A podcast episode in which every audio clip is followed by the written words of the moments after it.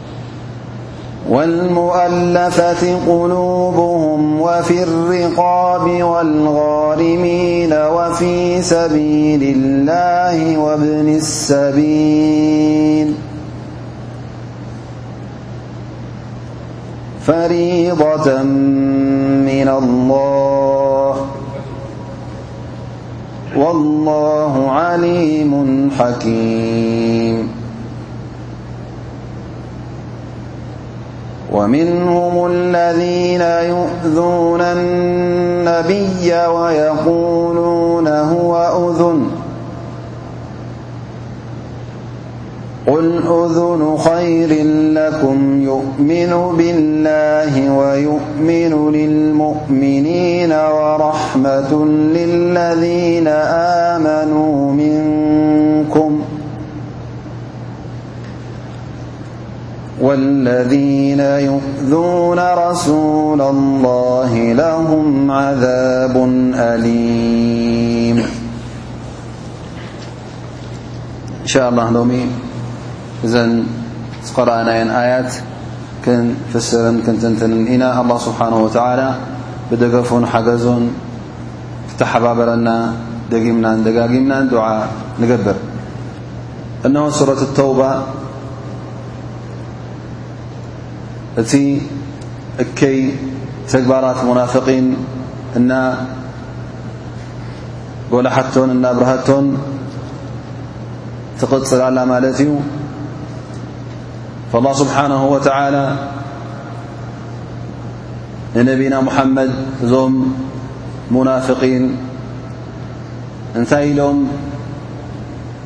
ብድሕሪኡ ይዛረቡ ከም ዝነበሩ ከምኡ ውን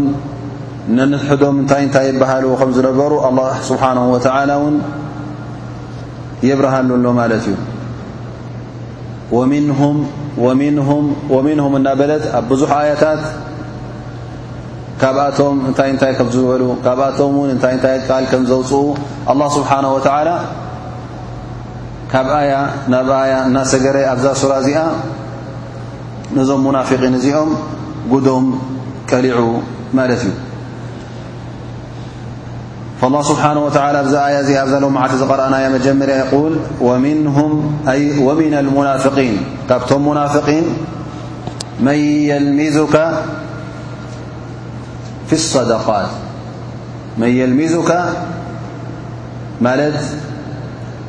ይሓምየካን ይወቕሰካን ኣብ ምንታይ ኣብቲ ሰደቃ ክትመቓቐል እንከለኻ ይጥርጥሩኻ ማለት ሰደቃ ክትህብ እንከለኻ ነቶም ኣዝማድካ ጥራይ ትህብ እናበሉ ወይ እውን ነቶም ኣሕዋቱን ነቶም ስድራ ቤቱን ነቶም ደቂ ዓዱን ነቶም ደቂ ቀቢልኡን ጥራይ እዩ ዝህብ እናበሉ ይዛረቡ ማለት እዩ እዚ ክዛረቡ ከለዉ ከዓ ከመይ ኣምሲሎም እዮም ዝቐርቡ ነይሮም ፍትሒ ዝደለዩ ከም ምዃን እዚ ተግባር እዚ ረቢ ዘይፈትዎ ተግባር ስለ ዝኾነ ክዕረ ኣለዎ እናበሉ እዮም ዝቐርቡ ነይሮም ማለት እዩ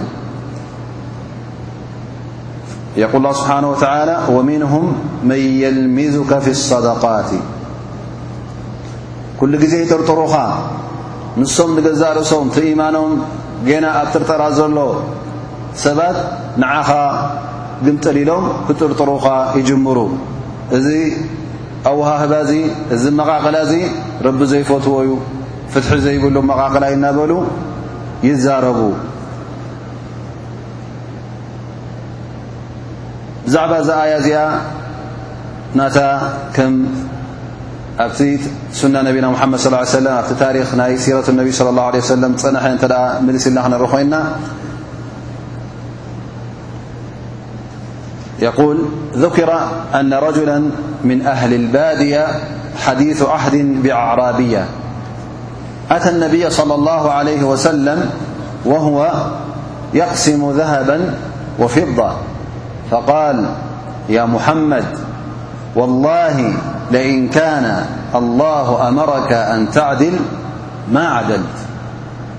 فقال نبي الله صلى الله عليه وسلم ويلك ويلك فمن ذا الذي يعدل عليك بعدي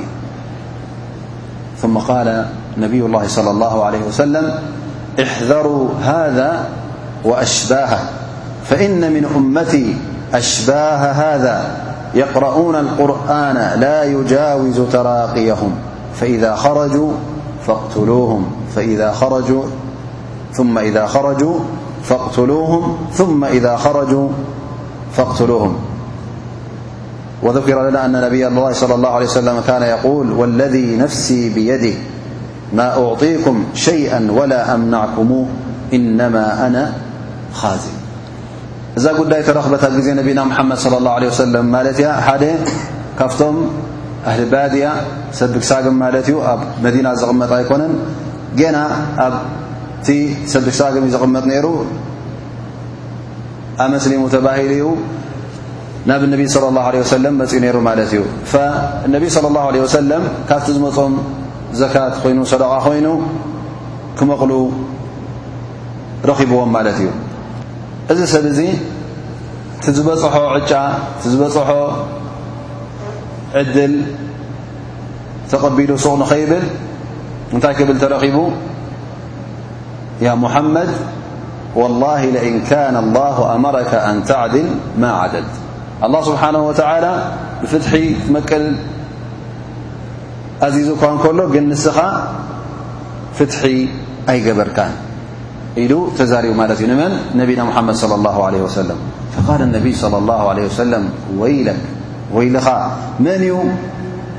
እሞ ብድሕረይ ወይ ከኣ ካባይ ንላዕሊ ብፍትሒ ክመቅል ዝኽእል ኣነ እንተዘይ መቓቐልኩዎ ነዚ ነገር እዚ ብፍትሒ ኢሎም እነቢ صለ ላሁ ለ ወሰለም መሊሶምሉ ثመ ቃል እነቢ صለ ላ ሰለም ነቶም ኣስሓቦም ነቶም ብፆቶም እሕዘሩ ሃذ ወኣሽባሃ ካብዚን ከምዚ ዝኣመሰሉን ሰባት ተጠንቀቑ ኢኹም ልክዕ ነዚ ሰብ ዝመስሉ ክወፁ እዮም ቁርን ክቐርኡ ትሰምዕዎም ግን እዚ ቁርን እዚ ክቕርዎ ከለዉ ገና ካብ ክሳዶም ንላዕሊ ኣይሓልፍን እዩ ፈኢዛ ኸረጁ እንተ ደኣ እዞም ሰባት እዚኦም ካብቲ መንገዲ ወፂኦም ካብቲ መራሒ እስልምና ዘሎ ኣንጻሩ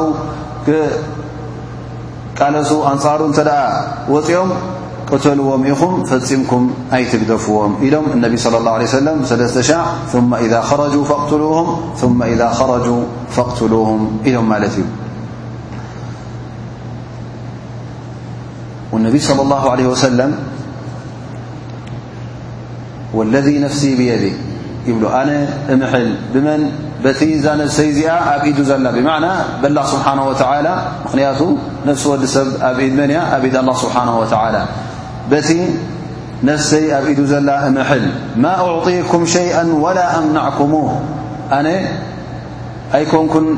ዝህበኩምን ዝኽልክለኩምን ምኽንያቱ መን እዩ ዝረዝቕ ኣላ ስብሓን ወተዓላ እቲ ዝመፀ እውን ኣነ ንዓይ ለይኮንኩን ዘትርፎ ኩሉ እውን ንዓኹም እዩ ኢነማ ኣነ ኻዝን ኣነ ጥራይ ሓላዊ እየ ማለት እዩ ነቲ ዝመፅእ ዘሎ ሽሻይ ነቲ ዝመፅ ዘሎ ርዝቂ ይእክቦን ይሕልዎን ድሕሪኡ ንመን እዩ ንዓኹም እዩ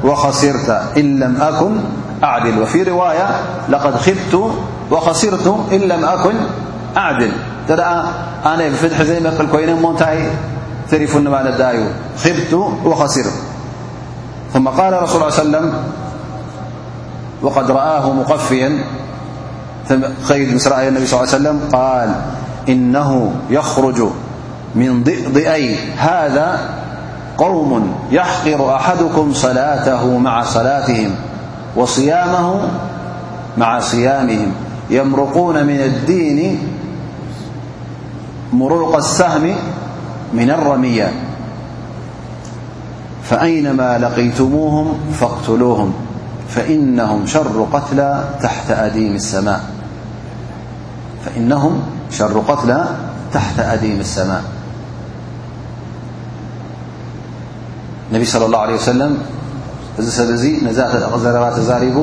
ዝባኑ ሂቡ ምስ ከደ እነቢ ስ ሰለም ነቶም ዝተረፎም ብፆቱ ነቶም ዝተረፉ ኣስሓቡ እንታይ ይብሎም ኣጠ መጠንቀቕታ ሂቦም ኣሎ ማለት እዩ ካብዚ ሰብ እዚ ዝውለዱ ኣለዉ ምን ዲእዲ ኣይ ኣይ ምን ኣስሊ ኣይ ምን ነስሊ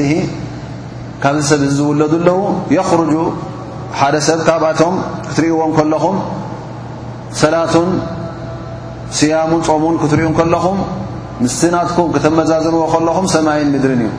ነቲ ናትኩም ወላ ሓንቲ ብላሽ ኮይኑ ይረኣየኩም እሱ ክትሪእዎ እንከለኹም በዓል ብዙሕ ሰላት ይመስል ጾሙ ክትሪእዎ እንከለኹም በዓል ብዙሕ ስያም በዓል ብዙሕ ጾም ይመስል ግን እዞም ሰባት እዚኦም ካብቲ እስልምና ካብቲ ቀንዲ እስልምና ነጢሮም ዝወፁ እዮም ልክዕ ከምቲ ማቲክራማ ካብ ተመንፂጉ ዝወፅእ ልክዕ ከምኡ ተሃውቲቶም ዝወፁ እዮም ስለዚ እዚ ሰብ እዝን ከም ዝኣመሰሉ ሰባትን እንተ ርኢኹሞም እተ ረኺብኩሞም ፈቕትሉም ቅትልዎም ኢኹም እዚኦም ናይ ብሓቂ ኣስላም ኣይኮኑን ናይ ብሓቂ ኢማን እውን የብሎምን ፈኢነሁም ሸሩ ቀትላ ታሕተ ኣዲን ሰማእ ፈኢነሁም ሸሩ ቀትላ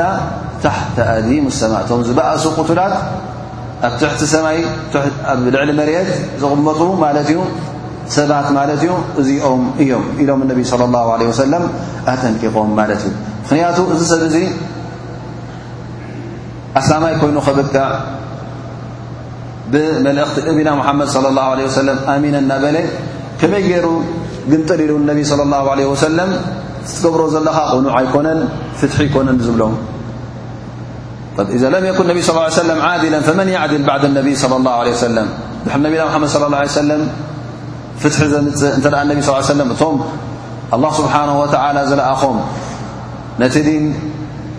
ተሰኪሞም ዝመፁ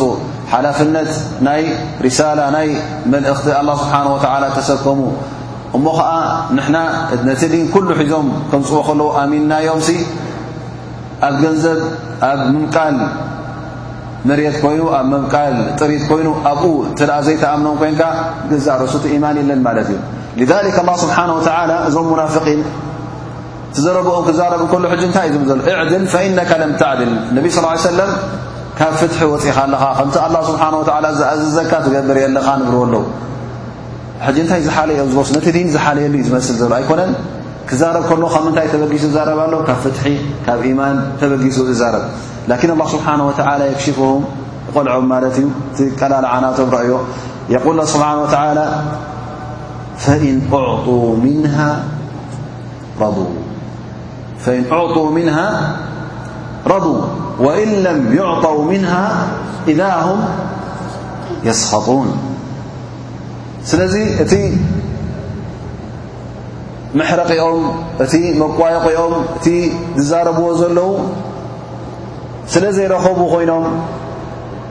ኣብቲ ምምቃል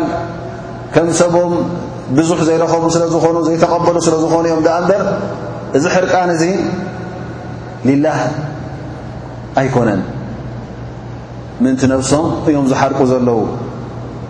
ገንዘብ ስለ ዘይመጾም ከምቲ ካልእ ዝውሃብ ዝነበረ ንዕኦም ስለ ዘይበጽሖም እዚ ኣቖጥዕዎም እዮም ዝዛረቡ ዘለዉ ደኣ እምበር ናይ ዲን ሕርቃን ሒዝዎም ኣይኮነን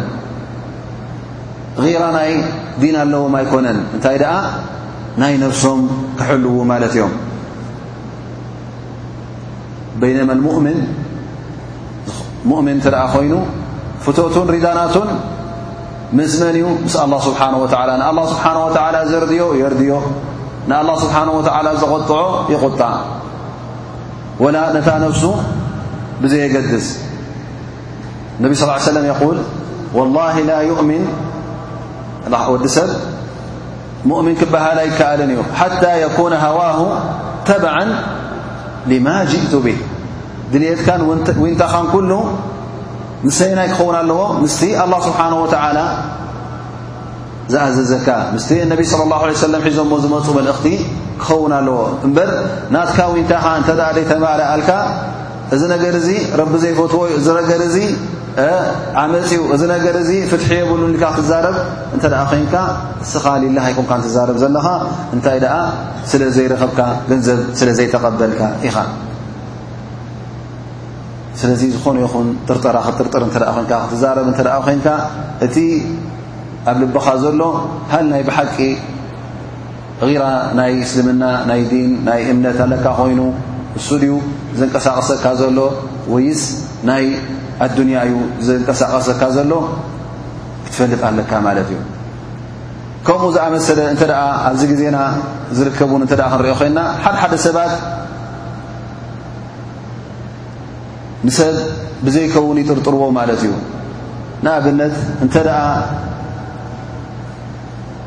ዘካት ረኺቡ ንሰብ ክመቅል ነትነትን ክህብ ተረኺቡ እንታይ ይብልዎ እዚ ሰብ እዚ ዘካት ኣኪቡ ጥራይ ነዝማዱ ይህብ ንገዝኡ የትርፍ ንዕኡ ይበልዕ ንዕኡ ይሰትዮ እብልኻ ማለት እዩ መስረጂ እተደ ኣለዎ ምዝ ካልእ ነገር ግን ብዘይ መስረጂ ስለ ዘይ ተቐበለ ይዛረብ እንተ ዝውሃብ ኮይኑ ኣፉ ሒዙ ስቕ ብል እተ በፂሖኖ እተ ደይተዋህበ ብዓል ፍላን ከምዚ ገይሮም የምፅኡ ናይ ሰደቃ ናይ ገለ እናበሉ ንርእሶም በልዕዎ ወይ ከዓ ጥራይ ነቶም ሰቦም ነቶም ኣዝማዶም ጥራይ ይብዎ እናበለ ሕጂ ዝረኣየ ዘይብሉ ሓታ ወለው ርኢኻ እተ ኮይንካ ከምዚ ጌርካ ንክትዛረብ ንገዛእ ርእሱ እስኻ ሕሜታ እዩ ብድሕሪኦ ክትዛረብ ከለኻ ካብኡ እንተ ወፂእካ ዝረኣኻ ዘይብልካ ክትዛረብ ከለኻ ሕጂ እዚ ሰብ እዚ በዓል ኸይር ይኸውን እቲ ዝገብሮ ዘሎ ክንደይ ር ንኸንደይ ሰባት ጠቒሙ ይኸውን መላልባሽ ንዓኻ እንተ ዘይመፀካ ኮይኑ ማእድራ ካባኻ ዝኸፍኡ ብዙሓት ከም ዘለዉ ኣይትፈልጥ እንዲኻ ናብኦም በፂሑ ይኸውን ከማኻ ዝኣመሰሎ እውን በፂሕዎም ይኸውን ስለዚ ግዴታ ናባኻ ስለ ዘይበፅሐ እሞ እዚ ሰብ እዚ ቅኑዕ ተግባር ገብር የለን ቅኑዕ ፍጽም የለን ኢልካ ክትዛረብ እንተ ደኣ ዄንካ እዚ ሕጂ እንታይ ዮም ስኢልካ ካትዛረብ ዘለኻ ሕጂ እዚ ሰብ እዙ ገንዘብ ሰብ ይበልዕ ኣሎ ገንዘብ ሰደቓ ገንዘብ ዘካ ዘይማሉ ይወሃብ ኣሎ ረቢ ዘይበሎ ይገብር ኣሎ ንሕዋቱን ነዝማዱ ንዕኦም እናቕረበ ብዝያዳ ንዕኦም ህብ ኣሎ ናልካ ሕጂ እንታይ ኻ ተምስላ ዘለኻ እታ ጉዳይ ናይ ዲን ክዳን ትኸድና ኣለኻ ማለት እዩ እዚ ሰብ እዚ ጋገ ኣሎ ረቢ ፍራህ በልዎ እናበልካ ትቐርብ ማለት እዩ ላኪን እንተ ብሓቂ ኣብ ልብኻ ተመሊስካ ውን ታናትካ ንያ እተ ርእኻ ምናልባሽ ምስ ሃበካ ሱቕ ትብል ትኸውን ወላ ውን ንካልእ ይዓመፅ ሕጂ ኣይትዛረብን ወላ ካልእ ናተዓመፀ ከሎ እናርኻ ከለኻ ማዳም ኣባኻ በፂሓትካ ስቕ ኢልካ ተሕልፋ ማለት እዩ እዘን ከምዚ ተግባራት እዚ ሕጂ ክጥንቀቕ ኣለካ ማለት እዩ እንታይ እቲ ቐንዲ ነገር ሊላህ ኢልካ ክትዛረብ እንከለኻ ናይ ብሓቂ ሊላህ ኢልካ ዲኻ ትዛረብ ዘለኻ ወይ እዛ ጉዳይ እዚኣ ገለ ነገር ዝተንክፈካን ዝጎደለካን ኣሎ እዩ እንተ ደኣ ዝተንክፈካን ናትካ ጥቕሚ ተጎዲኡ ኮይኑ ምስኡ ኣረኻኺብካ ትዛረብ ኣለኻ እንተ ኮይንካ እዚ ካብቲ ተግባር ናይቶም ሙናፍቒን ትገብር ኣለኻ ማለት እዩ ስለዚ ሙናፊቕ ኣይንብለካ ኢና ግን ተጠንቀቕ ከም ዝኣመሰለ ተግባራት ተግባር ናይ መን እዩ ናይቶም ሙናፍቒን ኩሉ ግዜ እንተ ደኣ ጥቕሚ ናቶም ረኺቦም ስቕ ኣይዛረቡ እንተ ደኣ ጥቕሞም ጎዲላቶም ብሽም ዲን ብሽም ሓቂ ብሽም ንዓመፅ ደው ንምባል ንምኽልካል ምእንቲ ፍትሒ ኢና ንዛረብ ዘለና እናበሉ ንሰብ ክወቕሱን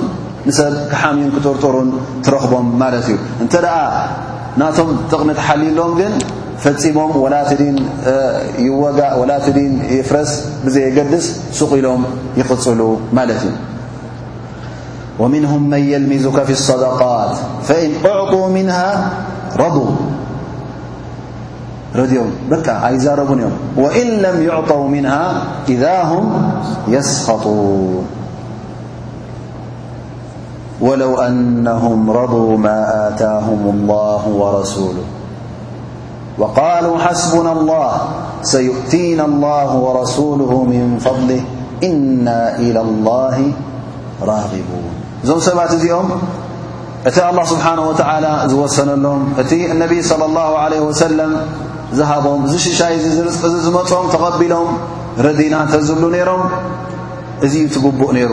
ምኽንያቱ ርዝቂ ወላ እውን ካብቲ ሰደቓ ኮይኑ ይምፃእካ ካብ ካልእ ዓይነት ይምፃእካ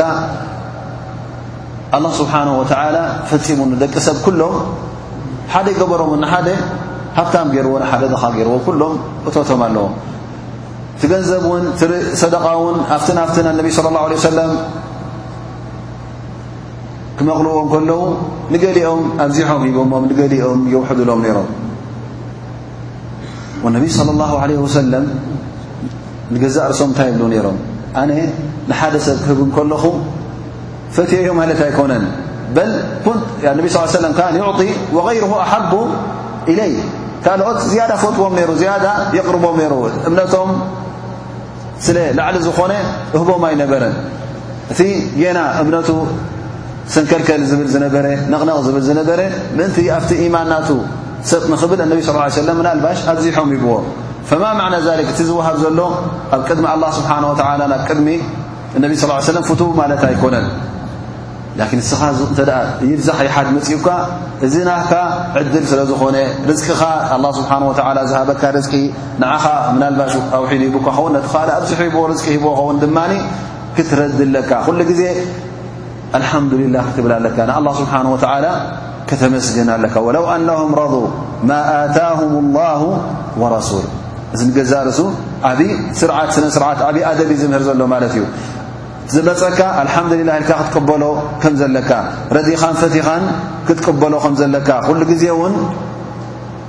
ናብ ኣላ ስብሓን ወተዓላ ክትጽጋዕ ከም ዘለካ እዚ ናይ ኣዱንያ ርስሓት ንሱ ወሳኒ ኸም ዘይኮነ ክትኣምን ከም ዘለካ ወለው ኣናሁም ረዱ ማ ኣታሁም ላ ወረ ቃሉ ሓስቡና ላህ ኣላ ስብሓን ወተዓላ እዩ ደጋፊና ኣላ ስብሓን ወተዓላ እዩ መጸግዒና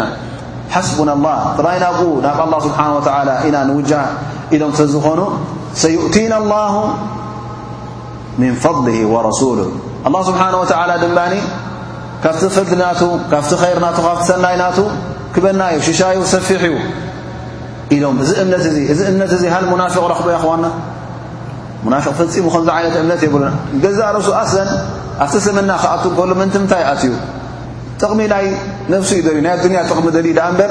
ናይ ኣኼራ ጥቕሚ ግልጽ ኢሉ ኣይረኣዮን ፈሪሁ ነብሱን ንብረቱን ከይሕደግ ከይቅተል እቲ እስልምና እቶም ኣስላም ዝረኽብዎ ዘለዉ ሽሻይን ንዕማን ዝመቓቐል ዘሎ ርዝቅን ንኽማቐል ኢሉ ኣትዩ ማለት እዩ ሊክ እዚ ሰብ እዙ ተወኩል ናብ ኣላ ስብሓን ወላ ናብ ኣላ ስብሓን ወላ ምፅጋዕ ዝበሃል የብሉን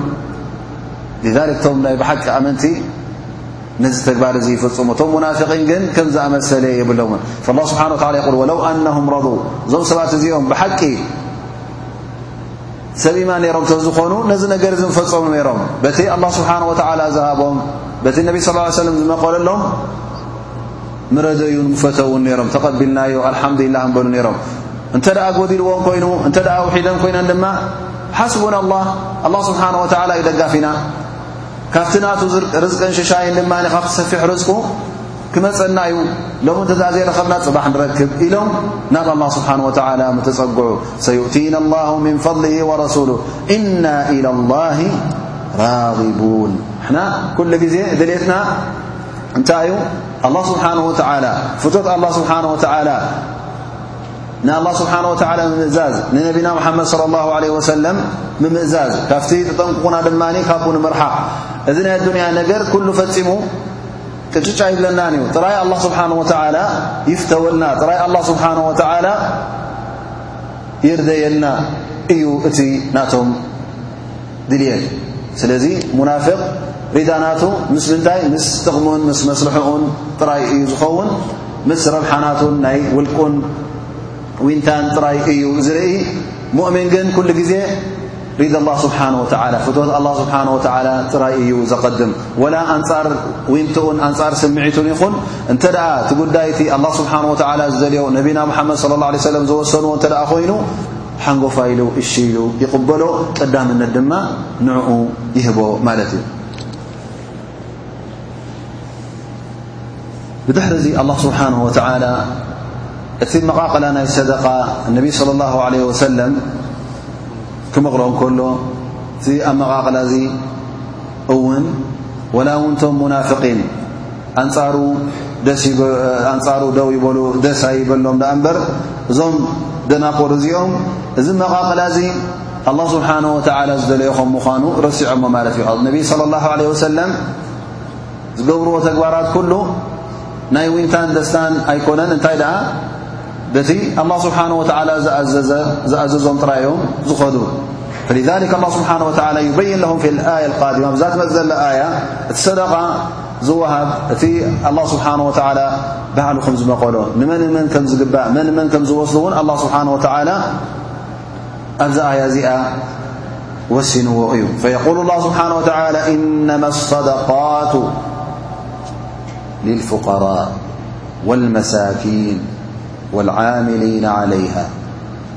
والمؤلفة قلوبهم وفي الرقاب والغارمين وفي سبيل الله وابن السبيل ذيأم ثم زوهومالزي ثم قال فريضة من الله والله عليم حكيم ኣላህ ስብሓን ወተዓላ እዚ መቓቐላ እዚ ሓደ ኻፍቲ ናይ ማሕበራዊ ናይ እስልምና ስርዓት ከም ምዃኑ ንረዳእ ማለት እዩ ላ ስብሓን ወተዓላ ማሕበረሰብ እስልምና ኣብ ውሽጡ ዝርከብ ጉድለታት ናይ ማላዊ ሽግር እንተ ደኣ ኣሎ ኾይኑ ከም ሓደ መፍትሒ ኣላ ስብሓን ወተዓላ ናይ ዘካት ጉዳይ ኣብ እስልምና ኣርቂቕዎ ማለት እዩ ግዴታ እውን ገይርዎ ፈሪضተን ምና ላህ እዚ ነገር እዙ ክትቦ ከለኻ ፈርዲ ስለ ዝኾነ ዋጅብ ግዴታ ስለ ዝኾነ ኢኻ ትፍጽሞ ዘለኻ ዒባዳ እዩ ንኣላ ስብሓን ወተዓላ ተምልኽ ስለዚ ክተውፅኦ ከለኻ ማለት ንስኻ ብላዕሊ ኮንካ ተውፅኦ ኣለኻ ማለት ኣይኮነን ተገዲድካ ናይ ግድን ከተውፅኦ ኣለካ ስለዚ እዚ ፈርዲ እዩ ክትፈልጥ ኣለካ ማለት እዩ ላ ስብሓን ወተዓላ እውን ዝኾነ ይኹን በዓል ማል በዓል ገንዘብ ማለት ከም ገንዘቡ ከም ጥሪቱ ኣላ ስብሓን ወተዓላ ዓመታዊ ዘካት ዝበሃል ንኸውፅእ ከምቲ ፍቕሒ ዘሎ ናይ ርብዒ ዕሽሪት ኮይኑ ዕሽሪት ኮይኑ ፍርቂ ዕሽሪት ኮይኑ ብተፈላለየ ናይ እኽሊ በይኒኡ ናይ ጥሪት ጠለ በጊዕ ኮይኑ ናይ ከብቲ ኮይኑ ናይ ኣግማል ኮይኑ ናቱ ኣለዎ ናይ ገንዘብ ጥረ ገንዘብ ናይ ወርቂ ድማ ንበይኑ ኣለዎ ማለት እዩ ስለዚ እዚ ኣብ ሸርዒ እስልምና ተወሰነ ማለት እዩ ምእንቲ ምንታይ ኣላ ስብሓን ወተዓላ ካብቲ ንወዲ ሰብ ዝሸርዖ ነቲ ማሕበረሰብ እስልምና ከመይ ገይሩ ሽግራቱ ክፈትሕ ከም ዘለዎ ዝገበሮ ኣላ ስብሓን ወተዓላ ዘውረዶ ስነ ስርዓት ይኸውን ማለት እዩ ስለዚ እዞም ሙሽሪክ እዞም ሙናፊቒን እዚኦም ዝሓምዎን ዝዛረብዎን ዝነበሩ ኩሉ ኣንጻርቲ ድልት ኣላ ስብሓን ወተዓላ ከም ምዃኑ እዩ በሪሁልና ዘሎ ፈዞም ሰባት እዚኦም ኣብቲ መቓቕላ ተዛረብዎ እዚ ነገር እዚ ኣላ ስብሓን ወተዓላ ባዕሉ ንመን ከም ምዃኑ መን እዩ ብዝያዳ ዘድዮ ንመን ክምቀል ከም ዘለዎ ኣላ ስብሓን ወተዓላ ይፈልጦ እዩ ንሱ እዩ እውን ዝውስኖ ንስኹም ኣይኮንኩምን ትውስንዎ መን እዩ ብዝያዳ ዘድልዮን ዘየድልዮን ኣላ ስብሓን ወተዓላ እዩ ዝፈልጦ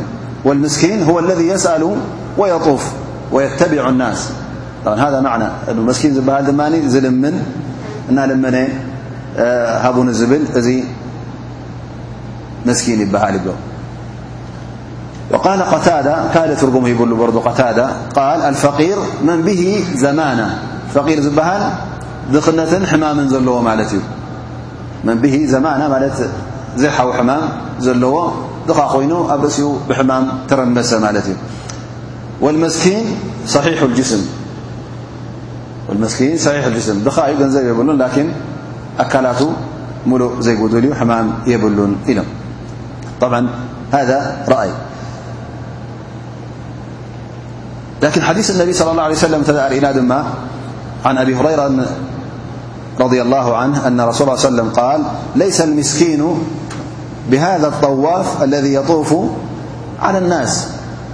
فترده اللقمة واللقمتان والتمرةوالتمرتان قالوا فمن المسكين يا رسول الله قال الذي لا يجد غنى يغنيه ولا يفطن له فيتصدق عليه ولا يسأل الناس شيئا ወላ የስኣሉ ናሳ ሸይኣ ነቢ ስ ሰለም መስኪን ክበሃል እንከሎ መን ይመስለኩም እዚ ገዛ ገዛ እናዞረ ካብ ድኳን ድኳን እናዞረ ዝልምን ሓንቲ ኩላሶ ተሃብካዮ እጫ ሂብካዮ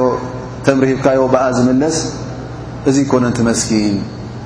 ምኽንያቱ እዚ ሰብ እዚ ይንቀሳቐስ ስለ ዘሎ ይረክብ እዩ ን ስ ሰለም እንታይ እዮም ዘርዩ ዘለዉ ካልኦት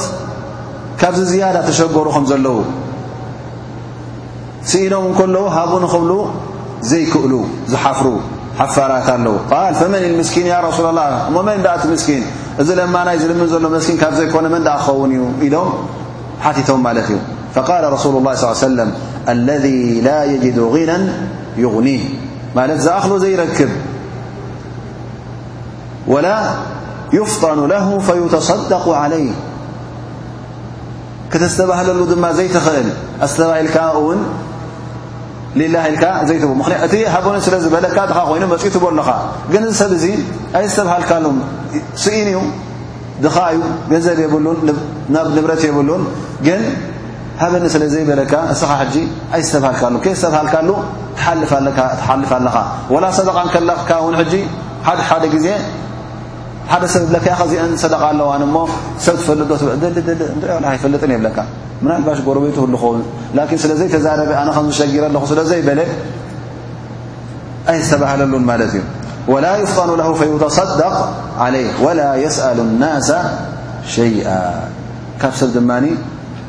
ፈጺሙ ኣይደልን እዩ ኣይልምንን እዩ ምክንያቱ ሕፍረት ኣለዎ ነብሱ ከኽብር ስለ ዝደለየ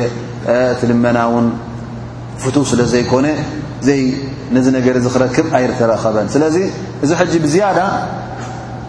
ኣብ ሽግር ወድቕ ዝኸም ዝኣመሰለ ሰብ እቲ ዝልምን ግን ደፋር ስለ ዝኾነ በትን በትን ኮይኑ በልሓሱ ኮይኑ ተንቀሳቒሱ ክረክብ እዩ እዚ ግን ብጣዕሚ ኣብ ድኽነት ክወድቕ ይኽእል እዩ ኣብ ሽግር እውን ክወድቕ ይኽእል እዩ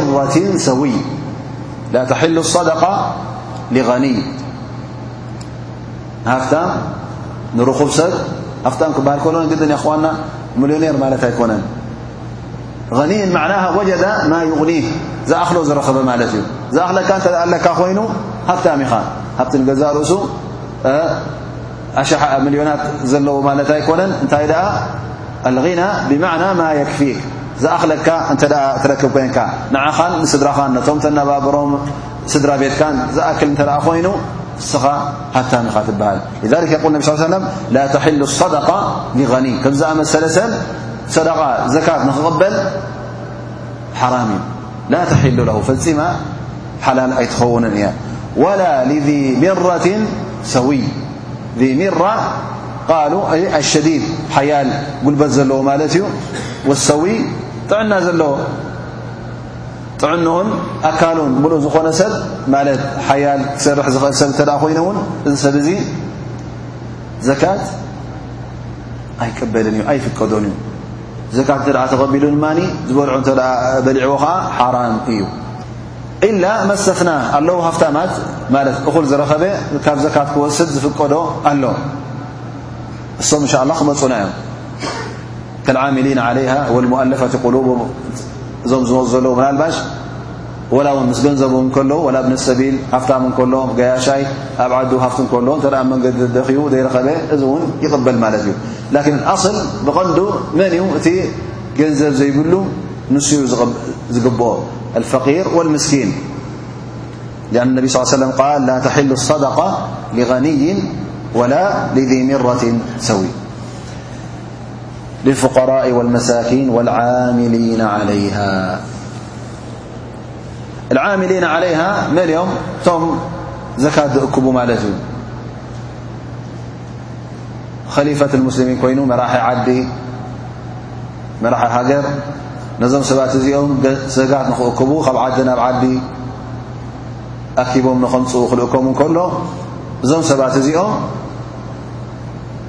ካፍቲ ዘካት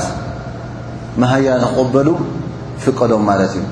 وقال العلماء ولا يجوز أن يكونوا من أقرباء رسول الله صلى الله عليه وسلم نكفتم أزماد النبي صلى اله عليه وسلم آل البيت خون يبلمون لأن هؤلاء زم اةزم تحرم عليهم الصدقة في صحيح مسلم عن عبد المطلب بن ربيعة بن الحارث أنه انطلق هو والفل بن العباسا ودحبأمالة النبي صللى الله عليه سلم يسألان رسول الله صلى الله عليه وسلم ليستعملهما على الصدقة زكات من خكب من خلقكب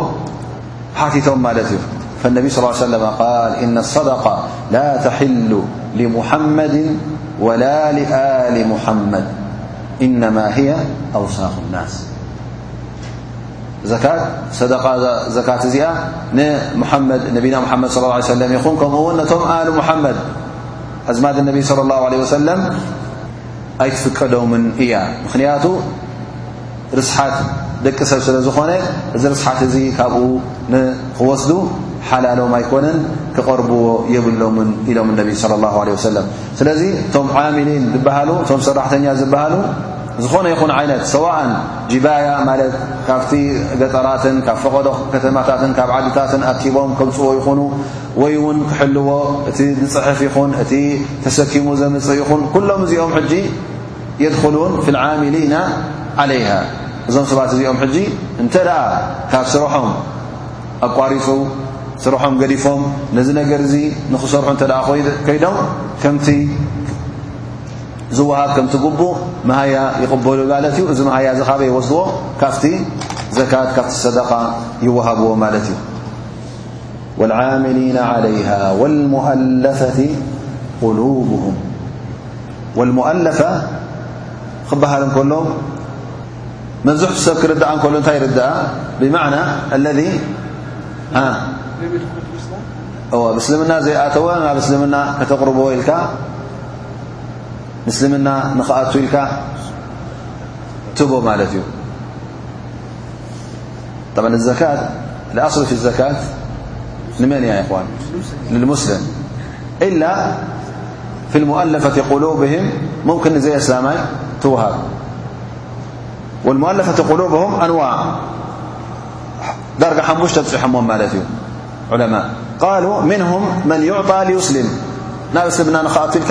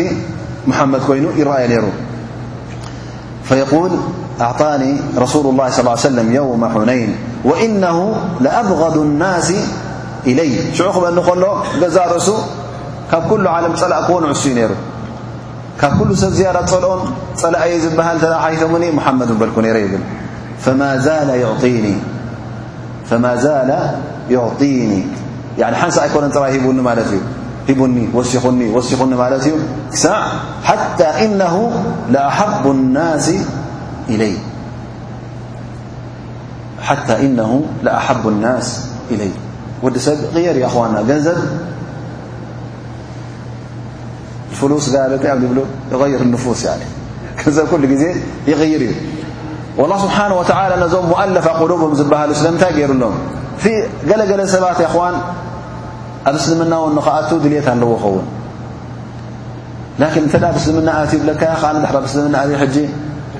ክደኪ እየ ንብረተይ ከሕድጉን እዮም ስድራ ይስልምና ይፈትውን እዮም ከምዝን ከምዝን ክጓንፈኒ ኢሉ ሕጂ ሸይጣን ጠብዐን በየ ንመፁ ማለት እዩ በቲ ንብረት ናቱ እቲ ዘለዎ ንብረት ክጠፍ ከም ምኳኑ ደቀይ ክገድፉን እዮም ሰበይተይ ክትገድፈኒ እያ ገንዘብ ከሕድጉን እዮም ሞታ ክገብር ዩ ላስ ዝብል ሕጂ ላንጋ ላንጋ እናኾነ ይነብር ማለት እዩ ኣላ ስብሓን ወተዓላ ነዞም ከም ዝኣመሰሉ ሰባት ካብቲ ዘካት ክትቦም እንከለኻ ሕጂ እቲ ጎዲልዎ ዝነበረ እንታይ እዩ እቲ ድሕሪት ኣድሪፍዎ ዝነበረ እንታይ እዩ ጉዳይ ናይ ገንዘብ እዩ ነዚ ነገር እዚ ክትዓፅወሎም እንከለኻ ኣንቀትተሁ ምና ናር ካብቲ ዘለዎ ክሕደት ካብቲ ዘለዎ ጥፍኣት ካብ ኩፍር ካብ እሳተ ጀሃንም ናፃ ውፅኢካዮ ማለት እዩ ፈኢዘን እዚ ሰብ እዙ ናብ እስልምና ይኣቱ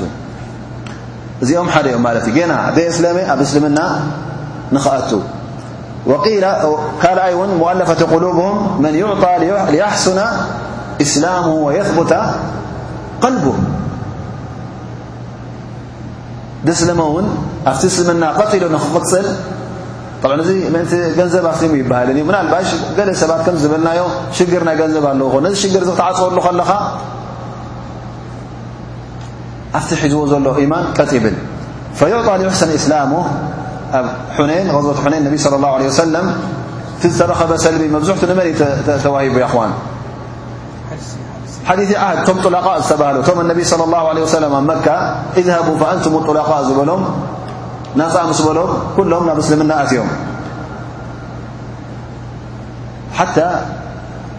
ኣንሳር ኣብቲ ግዜ እቲ ኩሎ ናፍቶም ጡላቃ ዝበሃል ናፍቶም ሓደሽ ናብኦም ምስ ከደን ተገሪሞም ንገዛእ ርሶም ከመይ ገይሩ ረሱ ሰለ ንኦም ጥራይ ሂባ ኣሎ ንዓና ገዲቡ ንሕና እዚ ኩሉ ዓመታት ምስኡ ተቓሊስና እዚ ኩሉ ከምዚ ገርና ኢሎም ተሰሚዕዎም ማለት እዩ ሓታ ነቢ ስ ሰለ መጨረሻ ንዑ ኢልዎም ያ ሰብ ጤለበጊዕ ወላ ገንዘብ ተወሰደ እንታይ ንዓኹም ጎዲሉኩም ኣነ እንደ ኣለኹ ምሳኹም እስኹም ንዓይ ሕዝኩም ክትምለሱ ኢኹም እሶም ግን እንታይ ዮም ሒዞም ክምለሱ ጠሊ በጊዕ ላም ኮይኑ ወላ ርስሓት ኣዱንያ ሒዞም ክምለሱ እዩ ኣነ ብዓበይ ምሳኹም ኣለኹ ኢሎም እነቢ ስለ ላه ለ ሰለም ዝጋቢሎሞም ማለት እዩ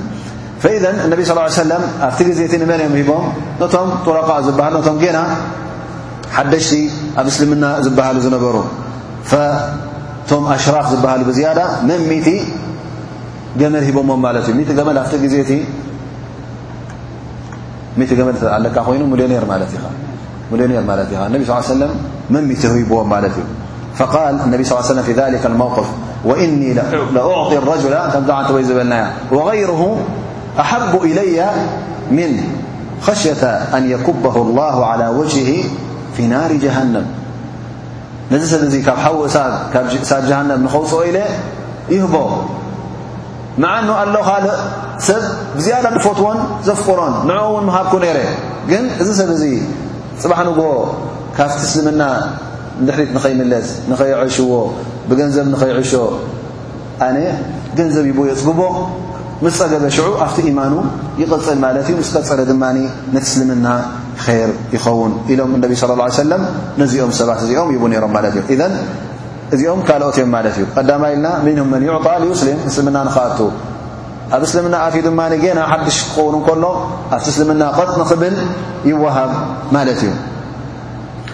ነቢ ስ ሰለም ካ የተኣለፉም ወምንሁም መን ይዕጣ ልማ ዩርጃ ምን እስላም ኑበራኢ ንሱ ኣመስሊሙ እዩ ዘሎ ግን ንዑ ዘመሰሉ ዝኣመሰሉ ዘይመስሎም ኣለዉ ፈሊመን ትህብ ነዚ ዘመስለሚ ሕጂ ተሀፍትሞ ትቦ ማለት እዩ ካብ ዘካ እዩ ሕጂ እቶም ንዑ ዝመስሉ እንታይ እን ክብሉ እባእ ፍላን ምስ መስለሚ ሒሽዎ ፅቡቕ ገይሮም ሒዞም ኣለዉ ሃፍቲሙ ኢሎም ሕጂ እቶም ንዑ ዝመስሉ እንታይ እዮም ገብሩ ናፍቲ እስልምና ክቕርቡ እዮም ማለት እዩ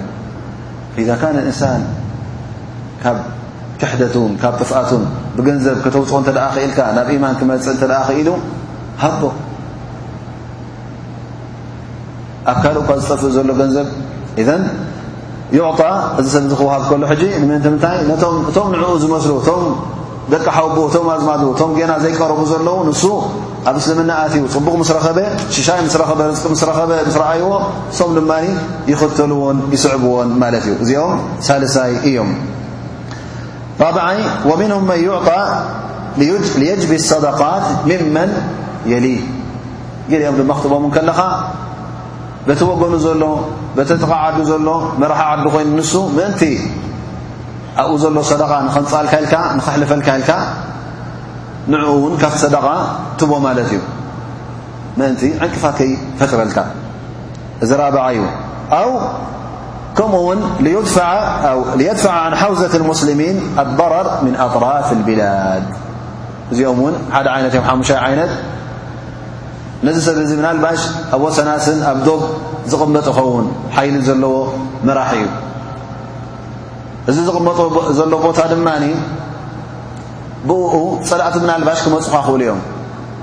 ስለዚ ንዕኡ እንተ ሂብካዮ እንታይ ክኸውን እዚ ሰብ እዙ ዋርድያ ክኾነልካ ማለት እዩ ንዑ ክትህብ ከለኻ ሕጂ እንታይ ይኸውን ዋርድያ ይኾነካ ወላ ንሱ እንተ ዘይተኸላኸለልካ ክነግረካ እዩ እዞም ሰባት እዚኦም ይንቀሳቐሱ ኣለዉ ከጥቅዑኻ ከም ዝገብሩ ኣለዉ ኢሉ ተሓመቐ ወረ ክበካ እዩ ማለት እዩ ፈኢዛ እታ እንታይ ጠቒምካ ነቲ እስልምና ነቲ እስላማይ ትሕልዎ ኣለኻ ማለት እዩ ብምንታይ ብገንዘብ እዘን እዞም ሓሙሽተ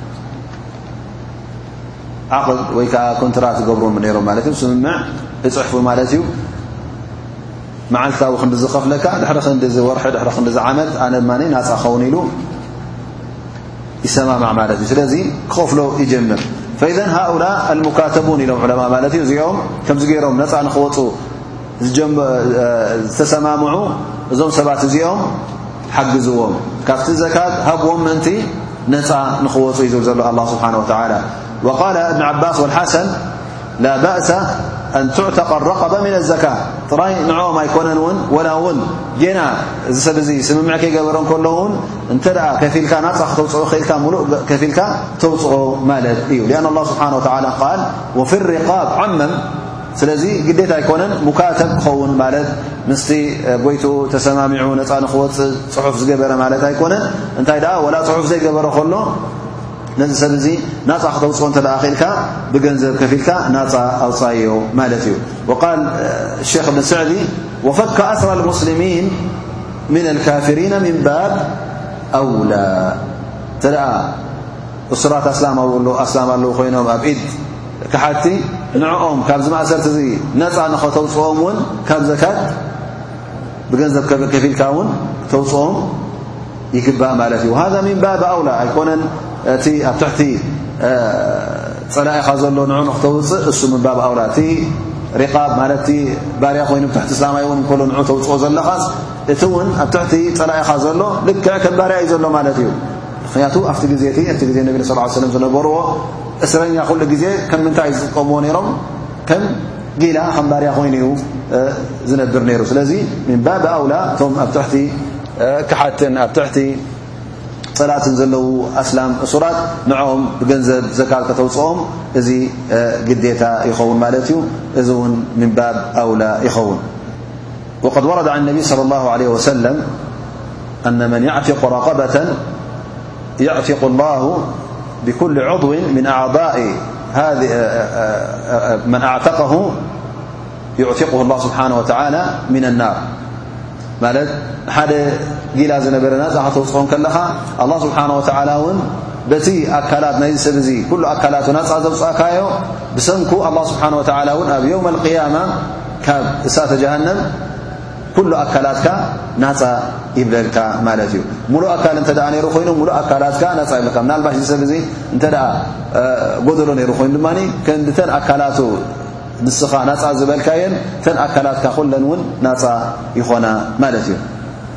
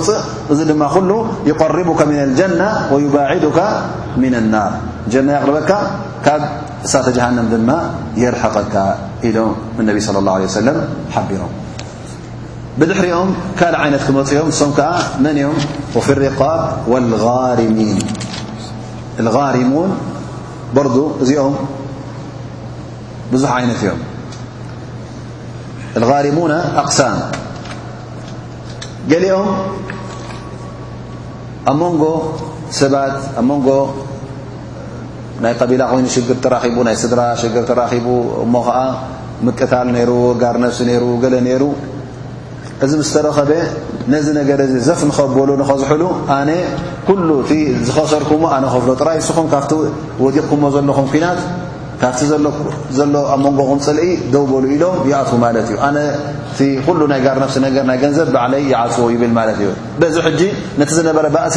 ዝግ የብሎ መፍትሒ ይረኽበሉ እዚ ሰብ እዚ ነዚ ዕዳ እዚ ተሰኪሙ ዘይዕድኡ እሞ እቲ ዘለዎ ገንዘብ እውን ነዚ ዝኣተወ ቃል ክምልእ ስለ ዘይከኣለ ካብ ዘካት ንክወሃብ ይፍቀድ ማለት እዩ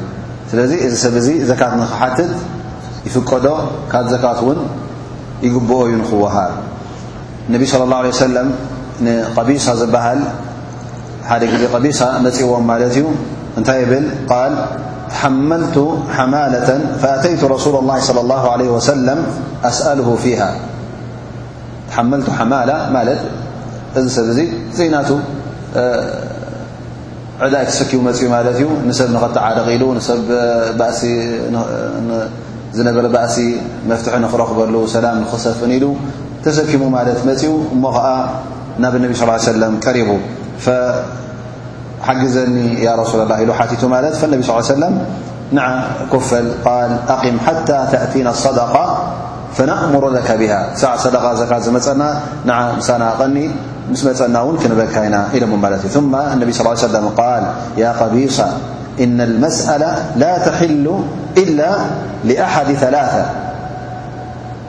ክልምን እንተ ኮይኑ ሓደ ሰብ ካብ ሰደቓ ሃቡ ንኽብል እንተ ኮይኑ ካብዞም ሰለስተ ሰባት ክኸውን ኣለዎ ንኽፍቀዶ ወይ እዛ ዝወስዳ ሓራም ማለት እዩ ቃል ረጅሉ ተሓመለ ሓማለة ፈሓለት ለ መስأላ ሓታ ይصቡሃ ثመ ይምስክ ሓደ ከምዚ ከማኻ ዝኣመሰለ ናይ ካልኦት ሰባት ሽግር ንኽፈትሕ ኢሉ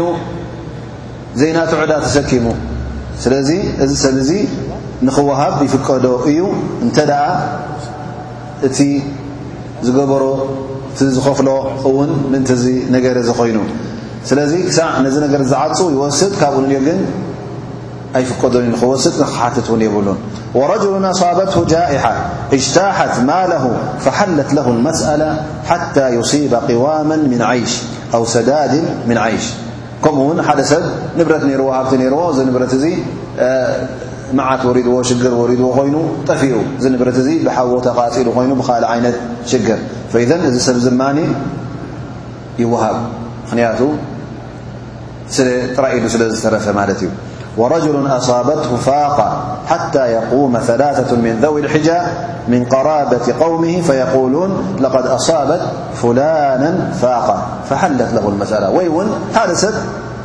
نت رب م سي فم سدرابت زم ደቂ ዓዱ ሰለስተ ሰባት እንተ መስኪሮምሉ ምንም ገንዘብ ከም ዘይብሉ ድኻ ከም ምዃኑ ብድሕሪኡ እዚ ሰብ እዚ እንተ ካብ ሰደቓ ሓቲቱ ንኽወስድ ንኽቕበል ይፍቀዶ ማለት እዩ ክወሃብ ከኣ ኣለዎ ይብሉ እነቢ ለ ላ ለ ወሰለም እዘን እዞም ቓርሚን ዝበሃሉ እዚኦም እዮም ወይ ምእንቲ ሰብ ኢሉ ተ ኣብዘይ ዕዱኣት ይኸውን ወይ እውን ንሱ ንግዲ ነይርዎ ኮይኑ ስራሕ ነይርዎ ኮይኑ ካብትን ካብትን ተለቂሑ ዝሰርሕ ነይሩ ኣብ መጨረሻ ፈሊሱ ጥራይ ኢዱ ተሪፉ እሞ እዚ ሰብ እዚ ድማ ልቓሕ ስለ ዘለዎ ብዝባኑ ንልቕሑ ንኽኸፍል እውን ዘካት ንኽወሃብ ይፍቀድ ማለት እዩ ቃል ዑለማ እዚ ሰብ እዚ እንተ ደኣ እቲ ዝልቅሖ ዝነበረ ንማዕስያ እንተ ደኣ ኮይኑ ክወሃብ የብሉን ኢሎም ማለት እዩ